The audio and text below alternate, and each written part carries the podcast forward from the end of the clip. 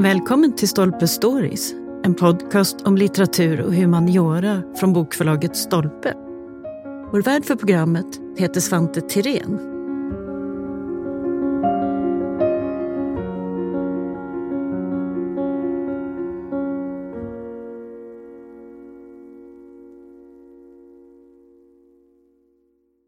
Idag finns ett stort intresse för trädgårdshistoria och gamla kulturväxter. Ibland så ger man sig till och med på att rekonstruera olika typer av trädgårdar, inte minst i kulturmiljöer eller museisammanhang. Men hur går det egentligen till när man ska rekonstruera en historisk trädgård? Går det verkligen att veta hur allting var en gång i tiden? Och hur exakt kan man faktiskt vara när man ska återställa någonting som är levande och i ständig förändring, då som nu? Ja, det ska vi fråga Elisabeth Svalin Gunnarsson som har skrivit flera böcker om historiska trädgårdar. Hon är med oss här idag i studion och ska berätta mer om varför intresset ökar och vad man kan lära sig genom att återskapa grönt kulturarv. Ja, välkommen hit Elisabeth! Tack så hemskt mycket! Du är ju författare och fotograf och kulturvetare och du har ju specialiserat dig på just det här med gamla trädgårdar, mm. historiska växter och alla de människor också som har arbetat med det här. Varför är intresset stort? Jag tror att intresset är stort just på grund av att världen runt omkring är ganska orolig, ganska rörig, obegriplig i vissa fall. Och man känner att den där lilla gröna plätten man har kanske på baksidan av huset, där har man en egen värld som man kan rå över. Man kan visserligen slåss med sniglar och andra saker som käkar upp det man sätter, men man kan ändå påverka och bygga en liten kokong runt sig som också är så positiv positiv därför att det är det levande. Man ser, man sätter det där fröet, det växer, man vattnar, man sköter det, det händer saker. Det är begripligt. Så fort de stora förändringarna kommer så kryper vi gärna in lite grann och kokongar hos, hos oss själva. Jaha, så kristid det är egentligen bra för trädgårdsintresse? ja, det kan man ju säga. Vi, vi kan ju också odla mat där, så det är klart, jag menar, det har ju diskuterats väldigt mycket de senaste månaderna nu att eh, hur ska det gå med jordbruket? Vi kanske måste börja odla mer mera mat. Men jag tänker också på sådana som Ruskin och Morris i Arts and Crafts-rörelsen som ju protesterade mot den ökande industrialiseringen när liksom fabrikerna vandrade närmare och närmare och världen förändrades. Och man visste inte hur man skulle tolka och, och, och handskas med det. Och då blev också trädgården och blickarna bakåt blev mycket starkare och mycket mer intressant för människor. Hänger det ihop med det här också med att intresset för byggnadsvård och gamla hus och allt det här, är det samma fenomen? Ja, det är precis samma anda och, och både Ruskin och Morris de, de bildade ju till och med en, en förening för The Society for Protection of Old Buildings. Och i det var ju också, alltså Arts and Crafts tänker ju alltid byggnaden, trädgården, naturen runt omkring, sammanhangen runt huset. Så det där tror jag att det, det ligger med sedan väldigt gammalt och kanske redan innan dess. Och sen finns det också många som känner eh, en ökad oro, nervositet, eh, eh, mentala eh, sjukdomar av olika slag som känner en ro i trädgården eh, där man kan jorda sig i ordets verkliga bemärkelse. Mm. Att bara sätta händerna i jorden och känna att man i alla fall har kontakt med någonting här i världen. Det är läkande att ja, odla. Det, verkligen. På något sätt. Du håller ju själv på med ett väldigt intressant projekt just nu som faktiskt ska få ett eget avsnitt så småningom. Men vi kan väl nämna någonting om vad det är för någonting? Ja, det är om trädgården och parken på Engelsbergs bruk. Och det är ju otroligt spännande. Det finns trådar ända ner till medeltiden och, och sen växer det fram trädgårdar i olika århundradena på den här platsen. Det kommer bli en bok så småningom. Mm. Men just att man får gå på djupet då med sån här trädgård, det är alltså en bruksträdgård på världsarvet ja. Engelsbergs bruk. Eh, vad har den för speciella förutsättningar eller kvaliteter som, som man kan studera? Alltså det som man kan säga är tur med den, det är ju att det faktiskt går att finna spår efter de gamla trädgårdarna som har funnits där. För det är ju precis som du säger Svante, att det är ju alltid så att en trädgård är ju i princip omöjlig att fånga. Den kan ju faktiskt skilja sig åt från dag till dag. Och en trädgård står aldrig still i tiden. Och det är en annan frågeställning som vi kanske också kommer tillbaka till. Men, men en trädgård är aldrig stillastående. Vad är det som är den här trädgårdens verkliga eh, huvud... Eller vad ska jag säga? Eh, var var den, den trädgård man tror att man ser? Mm. Eh, det går liksom inte att säga att det här är den rätta trädgården, för det kanske har funnits fem rätta trädgårdar i olika tider. Så att den frågan är ju verkligen någonting när man håller på med att, att restaurera trädgårdar eller om man har en egen trädgård, att fundera på när är den här trädgården liksom i sin prydno? När, när är den som bäst och när var den kanske tänkt? Eh, var det när huset byggdes? Var det när huset renoverades eller byggdes om? För då förändras också trädgårdarna ofta. Så egentligen handlar det kanske inte om att rekonstruera en exakt uppsättning Nej. växter eller så, utan det är ett slags tankesätt man eh, Absolut. återskapar? Det är precis så. Det är klart att du kan välja en dag. Om du har ett källmaterial så skulle du kunna välja en enda dag. Så här såg trädgården ut den 17 maj den och den år, året. Men men det gör man ju inte, utan man får försöka balansera det där på olika sätt. Och det är ju verkligen inte så lätt. Och det kräver lång forskning innan och också mycket tankar. Vad är det jag håller på med egentligen?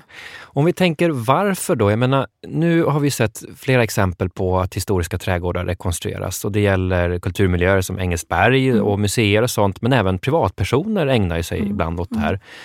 Varför, om man ställer den frågan, ska man återskapa gamla trädgårdar? Förmåner? Ja, när det gäller privata bostäder så tror jag att då är det ju mycket beroende på vem som bor där. Eh, det är ju ofta så att om du tar ett hus kanske från 1900-talet så har, det, har den alldeles säkert, om vi har en villa, vi får utgå från att det är en villa med, med en ganska stor trädgård runt omkring. Då har ju den haft ett utseende en gång och säkert då när huset byggdes så gjorde man trädgården. Sen har den förändrats hela tiden och som ny ägare så kanske man då är extra kär i 1930-talet och huset kanske är från det. Men då är det ju också, det ger en sån helhet när man kan skapa trädgården i samma anda som huset är byggt. Sen kan det ju vara så att man har ett mycket äldre hus och då vet man inte alltid, men då kan man ju göra en trädgård som ändå kan plocka upp vissa element ur en tid, men kanske inte göra allting. Jag skulle nog vilja säga att det är betydligt svårare att renovera och restaurera och backa tillbaka en trädgård än vad det är om du skulle göra en restaurering av ett hus. Därför att levande material aldrig stoppar någonstans.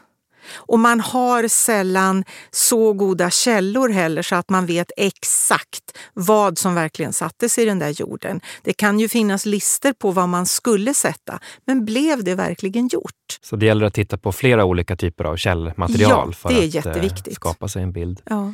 Om vi tar en liten bakgrund här till det här med trädgårdsodling, för att eh, väldigt känt är ju förstås 1700-talet med Linné, vi har ju 1800-talet med sina parker och, och fina odlingar och förstås 1900-talet också. Men hur länge har liksom trädgårdsodling som fenomen funnits i Sverige? Går det att svara på det ens? Ja, alltså det finns ju en förtida, en förhistorisk trädgårdsodling som kan gå ända tillbaka till 4000 år före Kristus. Så att trädgårdsodlingen är definitivt inte ny i Sverige, men naturligtvis så ökar den ju i omfång allt eftersom tiden går och också växtmaterialet naturligtvis. Idag så är ju den arkeologiska undersökningarna av äldre trädgårdar och, och även när man gräver så kan man idag faktiskt också också eh, lära mer om trädgård. Man har kommit längre i att se vad är det här för någonting. Frön är naturligtvis sånt som man hittar hela tiden, arkeobotaniken. Och det är ju oerhört spännande när man hittar frön som är kanske från flera tusen år tillbaka och ser vad man har odlat på plats och ställe. Men också andra saker som man kan se i arkeologiska utgrävningar på. Till exempel finns det möjlighet att se att här har man satt ner en spade. Så spadtag från något tusen år tillbaka kan man faktiskt se än idag. Oj, det, det lämnar avtryck ja, i, i det har lämnat avtryck. För det är ju faktiskt det som är spännande. Om du tänker trädgård, då måste du alltid börja fundera fundera över vad är en trädgård? Jo, historiskt sett har det varit en plats som man har hängnat in för att kunna odla, inte säd och annat som man lägger på lager, utan det där som är närmare hushållet, de där små sakerna. Frukt, eh, medicinalväxter, örter örter, vissa typer av grönsaker som kanske rovor och annat. Och då har vi en trädgård, den är skyddad. Och det är precis som alltså ordet paradesa som nu vi använder som paradis. Det är ju den muromgärdade trädgården, den trädgård där det fanns skugga, vatten och skydd mot djur och vindar. Och det betyder den inhägnade platsen. Och det har det fortsatt vara genom hela trädgårdshistorien. Sen är det naturligtvis så att ju längre fram vi kommer, om vi landar ända fram i vikingatiden, mm. då kan man ju också se att då har vi ju enormt mycket kontakter med stora delar av världen. Och i vårt fall då så far vi ju ända ner till Konstantinopel till exempel, men vi har också kontakt med det romerska riket och så eh, under vissa perioder. Så att vi har mycket inkommande både växtmaterial och kunskap om trädgård. Mm. Och det slår rot i vårt land. Så att eh, så även vikingarna en... hade trädgårdar med en oh, internationell ja. Eh, utblick? Absolut, absolut hade de det. En annat tidigt exempel på trädgårdsodling som tar med sig influenser utifrån, det brukar ju nämnas då klostren, klosterträdgårdarna. Ja. Hur är det med de där? Är de såna här också speglingar av, av omvärlden?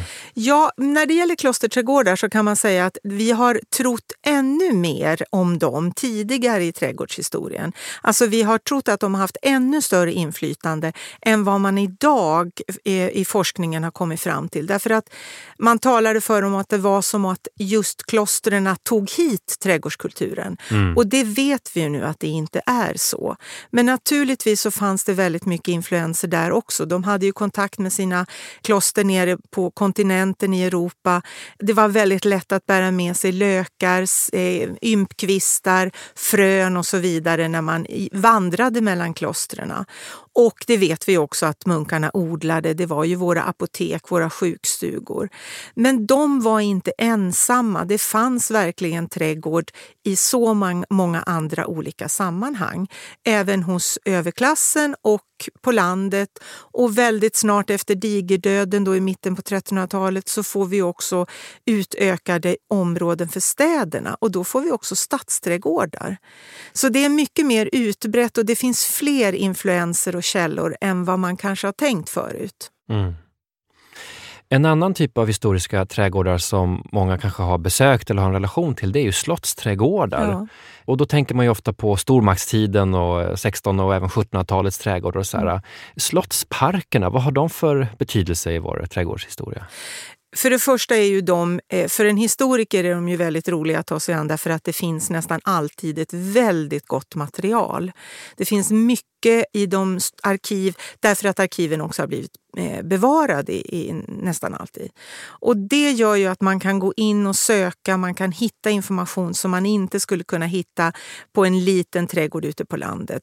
Det finns målningar, det kan finnas teckningar, det kan finnas berättelser av människor som har kommit på ett besök till det här slottet, både utländska och inhemska turister nästan som kanske har beskrivit de här. Så det, det är källtätt, det finns mycket att ta på. Och sen är det ju också så att de kanske också har varit öppna för allmänheten så att vi har kunnat komma in och se hur de här såg ut. Eller så finns det berättelser om från de som inte fick komma in och man undrar vad som fanns där bakom. Och där har man ju haft råd att skapa trädgårdar som har haft höjd, som har haft, eh, eh, varit oerhört påkostade och vackra på olika sätt. Och Kungsträdgården i Stockholm tycker jag är en, en mycket bra sånt exempel.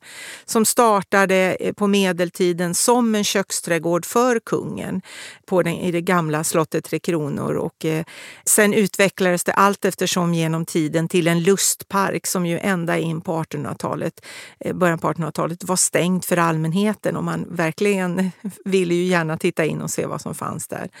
Och den kan man ju följa genom tiden på ett helt fantastiskt sätt. Så där är rikligt med, med källor. Ja. Men har det blivit lite ojämnt fördelat då? Vet man ingenting om, om den vanliga bondens eller torparens trädgård? Är det bara slottsmiljöerna vi veta Nej, om? man kan nog ändå veta. Och det, som, det finns ju många källor. Jag tänkte faktiskt på prästgårdarna som ju också är väl dokumenterade, i alla fall i, viss, i vissa fall. Men det är också så att man kan hitta information om en sock odling via eh, materialet från prästerna, prästminnen och så vidare under den tiden när de samlades in. Men sen vet vi ju också en hel del om medeltida trädgårdar genom lagtexter. Byggningabalken, jordabalken där det står om vad man ska odla och kommer ju enormt tidigt krav på att vi ska odla humle till exempel. Som håller, faktiskt den lagen fanns ju ända in på 1800-talet. Så att vi vet ju att det, man brukar ju säga om medeltida trädgårdar att det finns en örtagård, en, en fruktträdgård, en humlegård och en kålgård. Och kål i det fallet är ju ätbara gröna saker, inte bara kål mm. som vi tänker på det. Där kan man också se i lagtexterna, eftersom de då berättar om vad man inte får göra, så eh, räknas det upp en hel del växter som man då inte får stjäla ur någon annans trädgård. Och sen förstås återigen arkeologiska utgrävningar. Men om du kommer fram på 1800-talet, alltså det är ju faktiskt så att den medeltida trädgården på landsbygden, den hänger i stort sett ända, med ända fram till skiftena på 1800-talet. För innan dess så har du inte den marken att göra den typen av trädgård på. Vi har ju de smala tegarna som är uppdelade på olika typer av jordar som alla delar på. Och där har du, du får helt enkelt ingen plats kvar att göra en egen liten privat trädgård. Och du har heller inte tid till det, för det var ju ett otroligt tidskrävande jordbruk att försöka bruka de här små smala tegarna på dålig jord och bra jord och så vidare. Men när man just de här som du nämnde, alltså när ja. man effektiviserar markägandet ja. och slår ihop till större egendomar, det är Precis. då som det också blir mer plats till trädgårdsodling. Trädgård. Och då ser vi att trädgårdskulturen börjar växa fram på ett helt annat sätt. Så om man tänker landsbygd, då är det liksom medeltid fram till laga skifte i stort sett. Sen kommer det naturligtvis in en hel del nya växter och så vidare, inte minst potatisen. Men, men formerna eh, kvarstår i kanske de här fyra olika typerna av trädgårdar och humlen odlas ju på hela tiden. Mm. Det är ju inte bara väldigt gamla trädgårdar som det finns intresse för idag. Även 1900-talet, folkhemmets trädgårdar, funktionalismens parkideal och så vidare. Vad är det som hände med trädgårdsodlingen på 1900-talet i Sverige? Då får vi, alltså, man får nog nästan man får börja redan på 1800-talet när också medelklassen växer fram. Och staden får ju också eh, omkringliggande förstäder. Vi får trädgårdsstäderna som börjar komma på slutet av 1800-talet. Och där är ju trädgården verkligen en otroligt viktig del. Men det är ju också så att om du tänker hela framväxten av arbetarrörelsen så har du hela vägen där faktiskt mycket mer än vad man kan tro en tilltro till trädgården som någonting som kommer att dana människan som, som sådan. Och det där är oerhört spännande att läsa och följa debatten både i arbetarpressen och i annan press. Hur man diskuterar trädgården och trädgårdens roll. Och där har du koloniträdgårdsrörelsen som då ska ge möjlighet för arbetaren att få både en liten andningspaus och en plats för det och att odla mat. Vi har egna hemmen som kommer, där det är alltid trädgård med och trädgårdsstäderna finns det ju naturligtvis trädgård till. Och villaträdgårdarna och det kommer med den framväxande medelklassen. Så det är ju hela samhällsutvecklingen ger möjligheter och kanske också tillräckligt mycket inkomster för att kunna avsätta både tid och plats för att göra trädgård. Mm. Om man nu har en gammal trädgård som är mer eller mindre försvunnen, det är bara en, en, gräsmatta kvar eller så. Ja. Vart börjar man tankearbetet om man nu vill rekonstruera? Vad, vad är det för frågeställningar man ska börja med? Ja, det där är väldigt spännande. För det första tycker jag att frågeställningen nummer ett är att bara eh, eh, faktiskt konstatera vad är det för byggnad jag har? När är den uppförd? Vet jag det? Då har man en början. Om vi då säger att den är... Vi kan ta två exempel. Vi kan ta en 1800-talsbyggnad och en mitten av 1900-talet. Då är de väsensskilda både i trädgård och växtmaterial skulle jag vilja säga. Så har man liksom kunnat konstatera var någonstans i tiden befinner jag mig. Sen kanske om du som du säger att den är helt och hållet övervuxen, då är en sån sommar som gick nu till exempel där det har varit oerhört varmt och torrt, det kan vara väldigt bra eh, sätt att få någon uppfattning om hur en trädgård har sett ut. Och man kan kravla sig upp på sitt tak eller på en stege, titta ner över en förtorkad gräsmatta till exempel, så kan man ofta se var gångarna har gått. Och det är faktiskt en av de saker som man gjorde på Engelsberg en torr sommar, så kunde man se att stigar som fanns på gamla planer de framträdde genom de här gräsmattorna. De syntes mycket tydligare, för där under, där gångar har gått, så är jorden mer packad det, det kan vara sådana saker. Och det viktigaste om man får köper ett nytt hus eller ärver ett hus så är att låt det gå ett år innan du gör någonting. För börja inte med att ta ner alla stora träd även om du tycker att det skuggar. För det kan ju ta hundra år att få ett likadant träd. Och det är oftare man hör människor som ångrar sig i efterhand än som ångrar att de lät dem stå kvar. Så att, att man faktiskt ger sig tid att studera sin trädgård, gå igenom växtmaterialet. Vad finns det här? Titta på grannarnas trädgård. Finns det mer av det växtmaterial jag har i min trädgård? Finns det i andra grannars trädgård också? Det är ju ett tecken på att det då har hoppat emellan trädgårdarna och kanske har funnits med ganska lång tid. Jag bor ju i Vaxholm och där ser jag till exempel att någon har börjat med gula och röda tulpaner. Och de finns i hela Vaxholm och det är i princip nästan det enda som finns av trädgård. Nej, nu var jag lite elak kanske. Men, men eh, flammentandsrosor och gula och röda tulpaner, det kan man se. Och det är 50-tal, så där kan man också se mycket av bebyggelsen som tog in de här för tiden typiska växterna. Med en tidsmarkör verkligen. Ja, det är mm. tidsmarkörer. Mm. Och det finns ganska mycket skrivet idag om villaträdgårdarnas historia och man kan också se listor på vilket växtmaterial som kom in. För varje århundrade och kanske till och med ibland årtionde finns det, som du säger, tidsmarkörer, växter som blev oerhört populära under den här tiden. Du har ju sockertoppsgranarna på 70-talet, eh, de mörka eh, barrväxterna och så vidare. Det finns sådana från väldigt många olika tidsperioder. Men om man säger då att man börjar med att titta på byggnaden, huset, vad det är för någonting. Ja. Sen så börjar man titta med trädgården, att man låter det gå ett år eller två och se vad som dyker upp för, för tecken eller spår ja, och så vidare. Ja. Och sen till sist titta på omgivningen alltså. Ja. Vad finns runt ja, omkring? Det kan man nog göra samtidigt. Alltså. Och, och det där med att prata med grannar som har bott länge kan vara ett väldigt bra sätt. Men sen finns det också möjlighet att, att det faktiskt finns historiska källor. Om du tar 1800-talet, där kan det ju finnas en väldig massa olika eh, material att ta till. Kartor, beskrivningar av tomter vid försäljning, kanske någon eh, undersökning som Nordiska museet till exempel har gjort. Det finns en herrgårdsundersökning från 1928 till exempel som då tittar bakåt. Den kan man ju ta till sig. Bor man i Stockholmsområdet finns ju Stockholmskällan där man kan gå in och titta på fotografier.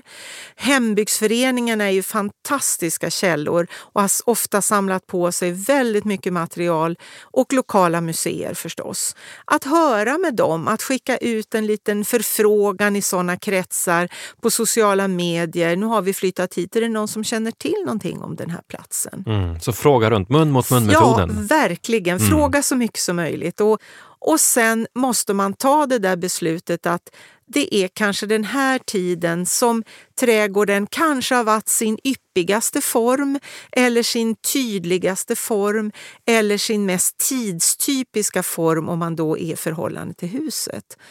Och det kan vara saker som man då bestämmer sig för. Okej, okay, men då fryser vi tiden just där. Eller så tänker man att den här delen av trädgården, där finns det lite mer kvar av en äldre tid. Ja, men då får vi låta den vara den tiden. Medan en annan del i trädgården som kanske, där ingenting finns kvar, där kanske man kan låta vår tid också komma fram. Man behöver ju inte alltid backa hela vägen tillbaka. Så det finns många olika typer av resurser egentligen som man ja. kan titta på och framförallt också många olika tankesätt. Eh, ambitionsnivå då? Det är lätt att bli överentusiastisk. Ja, hur, eh, hur, hur, ska man sätta en rimlig ribba för en rekonstruktion? Hur var det den ska brukar pengarna bli? ofta vara väldigt goda stopp. Eh, alltså, det kan ju verkligen kosta om man då bestämmer sig för att man vill återskapa kanske en träddungar eller långa buxbomshäckar eller vad man nu tänker sig. Och det gäller all trädgård. Vad är jag beredd att lägga, hur mycket pengar är jag beredd att lägga på den här trädgården? Och nummer två, hur mycket tid är jag beredd att lägga på det? Och då är det inte bara etablera trädgården, sätta alla växterna, utan hur mycket tid är jag faktiskt beredd på att lägga och ta hand om den här trädgården sen? För har man lagt mycket pengar, då vill man ju också, man vill ju inte att det ska bli en vild växt, en vildvuxen trädgård igen, utan då vill man ju ha en fin trädgård. Och det tar tid. Är jag beredd att lägga den tiden? Så tid och pengar är ganska naturliga avgränsare ja. för eh, hur man ska ja. gå tillväga. Det finns ju väldigt mycket historisk litteratur i form av handböcker, praktiska vägledningar, kataloger och så vidare som handlar om, om trädgårdsodlande. Och en av dem har vi faktiskt gett ut på bokförlaget Stolpe i nytryck. Det är The Art and Craft of Garden Making av en som heter Thomas H. Mawson. Vad var han för någon slags person? Han var ju arkitekt men ägnade sig väldigt mycket just åt att göra trädgårdsplaner. Det är ju så, om du backar tillbaka i tiden till 1800-talet, då har vi ju ingen yrkeskår egentligen som heter trädgårdsarkitekter. Utan man var arkitekt men skaffade sig mer kunskap om det. Arbetade kanske också tillsammans med trädgårdsmästare. Så Måsson, han är så att säga ett typexempel på att trädgårdsarkitekten som yrke börjar formuleras och att sådana här äh, instruktionsböcker får större betydelse. Ja, och inspirationsböcker. För att den boken tar ju upp väldigt många olika trädgårdar som han har varit involverad i och det tar ju också upp trädgårdar han har varit inspirerad av. Det ligger också i tiden om vi har då 1800-talets mitt och framåt när arts and crafts-rörelsen växer fram. De är oerhört betydelsefulla därför att de också talar om, de talar ju om huset på sitt sätt, att det ska så att säga, växa upp ur den mark som det ska stå i. Är du i en, en mark där det finns lera, då ska huset byggas av tegel kanske eller av, eh, har du en, en skogsbygd så är det trähus och så vidare. Och den ska också landa på platsen i sin trädgård och vara, mm, hänga ihop med sin trädgård och med naturen runt omkring. Och då får ju trädgården också en, en större betydelse ännu lägre ner i de olika klasserna. Det är inte bara överklassen som skapar en speciell trädgård som hänger ihop med deras slott utan det blir även medelklassen som då börjar bekymra sig om hur deras trädgårdar ser ut och att de hänger ihop med natur, med plats, växtmaterialet, utformningen i förhållande till huset. Där huset har en rum som liksom vandrar ut och blir trädgårdsrum utanför. Så att det här är alltså, 1800-talets slut, 1900-talets början är otroligt viktig för framväxandet av en trädgård som hänger ihop med ett hus för fler än bara de som är överklassen. Mm. Du är ju ute och föreläser och håller kurser och träffar massa människor som jobbar med det här eller är intresserade av det här. Eh, hur tror du att det här kommer fortsätta utvecklas? Alltså jag hoppas ju verkligen på att eh, det kommer att öka intresset för historiska trädgårdar och trädgårdshistoria. Och det tror jag faktiskt också att den utvecklingen finns. Och jag ser ju på, jag undervisar ju trädgårdshistoria för elever till exempel på YH som ska bli trädgårdsmästare. Och det här brukar vara ett väldigt populärt ämne. Och det vi gemensamt, både elever och jag, tycker är så spännande är ju att trädgårdshistorien är ett fantastiskt skafferi som alla som har skapat trädgård, så långt man kan komma tillbaka nästan kan man säga, har liksom utom möjligen den allra, allra första trädgården. Men sen har man lånat. Man har lånat från tid till nästa tid, till nästa tid. Man har backat tillbaks. Så att, att ha ett skafferi där du kan stjäla idéer ifrån, det är alldeles underbart. Och jag skulle nog vilja säga att det nästan inte finns en trädgård i det här landet där du inte kan plocka ut åtminstone fem, sex olika trädgårdshistoriska områden eller till och med olika, från olika världsdelar som har landat i din enkla lilla villaträdgård. Det är alltid väldigt rikt på information. Ja. När man rekonstruerar då gamla trädgårdar så förstås växtsorter och det, det är stämningsfullt och så vidare. Men vilka andra typer av kunskap kan man få eh, när man håller på med det här? Ja, men det är också det som är spännande att trädgård, i alla fall för mig och trädgårdshistoria, det är ju också en historia om, om människan. Hur människan från första stund har velat skydda sig också. Trädgården är från första stund en skyddad plats. Vi har hängnat in den. Vi har velat skydda oss själva och det vi odlar där gentemot omvärlden. Så trädgården är alltid berättelsen om människan, om människans lust att skapa, och människans önskan att få en trygg plats. Och det är faktiskt väldigt intressant om du tittar på om du bor i en, en slättbygd, då planterar du träd för att skapa det där skyddet, både, både mot vindar och kanske mot djur. Om du bor i en skog, då har du skapat en glänta glänta som då blir din plats där ljuset kan nå och där du känner dig trygg. Och om du tittar på det latinska ordet för skog är silva och det ordet dyker upp faktiskt spännande nog både i det franska och det engelska ordet för vilde, nämligen sauvage eller savage. Så det hänger direkt ihop med skogen. Så skogen har varit en plats som man varit rädd för. Men om man då får en plats av ljus i den här skogen, en glänta, då kommer kulturen in där. Så trädgården är ju en underbar blandning av den eh, naturhistoria och människohistoria. Kultur och natur möts. Det är precis det de gör i trädgården. De är den perfekta blandningen av kultur och natur. Det är som själva ordet kultur Ja, så väl också är, eller betyder hur? odling. Odling. Ja. Så att det, det, berättelsen om trädgården och historien om trädgården det är i lika hög grad berättelsen om hur människan försöker skapa sig ett paradis på vår jord. Det är verkligen så. Och det har vi hållit på med i all oändlighet. Verkligen. Sen tidernas eh, begynnelse. Ja. Det talas ju väldigt mycket nu också om gamla växtsorter och det finns till och med specialhemsidor bara då med kulturhistoriska fröer och alltihopa. Ehm, hur exakt eller inte är den här kunskapen? Kan man verkligen veta om just den här blomsorten är exakt likadan som den var på 1700-talet eller något sånt? Det man, kan, man förstår i alla fall är att väldigt många av de växter vi har i vår trädgård idag som har rötter och som har en historia, kanske tillbaka till 1700-talet, de har Precis som vi människor har blivit längre och tjockare så har växter ofta blivit större. Alltså högre, större blommor och så vidare. Att det har utvecklats. Kanske också därför att vi konstant matar våra växter på ett annat sätt.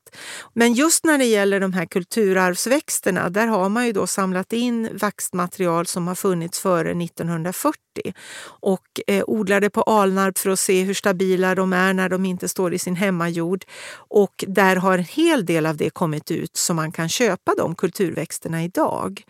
Och det är också väldigt spännande att hitta de här gamla sorterna för de kan vara väldigt vackra och ibland kan de också vara så skira så att det nutida är så bombastiskt ibland men man kan hitta de där fina små kulturarvsväxterna som i vissa fall kan vara från 1800-talet. Så det är samma sak i det här att exakthet är kanske inte grundpoängen här utan det är Nej. att det är en växtsort som lever och, och förändras så kan man gå till olika stadier i hur den Ja, har sett Det ut. är en bra idé för en rolig rabatt att försöka hitta från olika tidsepoker då med, med en växt eller ett, ett antal växter. Man kan göra sin rabatt från 1700-talet och framåt. Det är ju faktiskt väldigt kul. Då är vi verkligen inne på nörderi. Ja.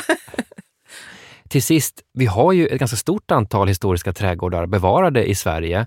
Vill du ge några tips på några som är särskilt bra att besöka?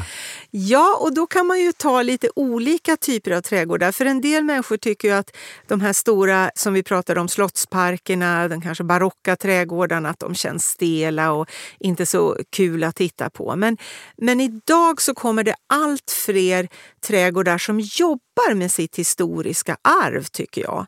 Jag måste få nämna Tjolöholm eftersom jag har ägnat så många år åt att skriva om den trädgården.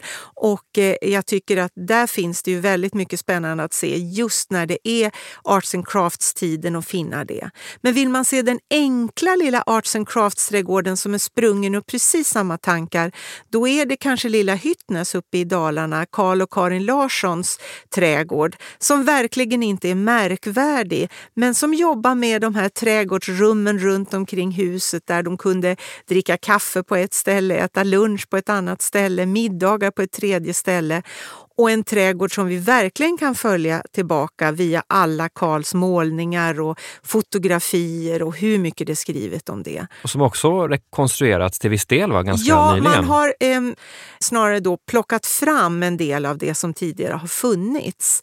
För det har inte behövts rekonstrueras på det sättet utan snarare att hitta tillbaks till ett äldre växtmaterial, kanske återskapa vissa rabatter som har försvunnit. Men den trädgården ser ser man också på både målningar och fotografier att den har ändrats otroligt många gånger under Karl och Karins tid. De var verkligen inte fast i en tid utan de, nej men nu rycker vi upp den här rabatten och nu gör vi någonting nytt. Åh, det har kommit en ny växt, den tar vi in. Eller den här vilda växten har vandrat in i vår trädgård. Bra, då får den vara där. Och det är kanske också en påminnelse om att all trädgårdsrekonstruktion behöver inte vara gigantiska projekt. Man Nej. kan göra det i små bitar också. Ja, och det kan ju vara en, faktiskt ett väldigt bra sätt att börja om man då vill göra saker i sin egen trädgård. Att man behöver inte ta allt i ett svep. Man kan börja med en del, en tid kanske i trädgården. Men du kan ju också få inspiration, bara en sån enkel sak om man befinner sig i Stockholm så kan man ju gå runt och titta på trädgårdarna på Skansen som ju jobbar lika intensivt med trädgårdarna, tidstypiska, som man arbetar med husen. I landskap, växtmaterial i förhållande till husen och den tid de är ifrån. Så det är en väldigt roligt sätt att se.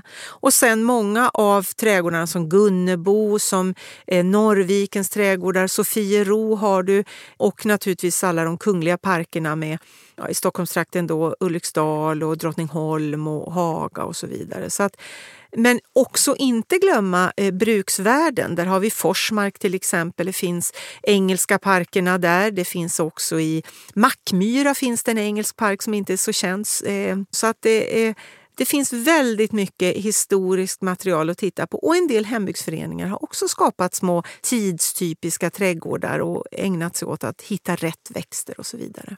Det saknas inte inspiration Nej, till om man vill det ge gör sig det in på det verkligen här. inte. Äh, Stort tack för att du kom hit Elisabeth. Tack, det var jätteroligt.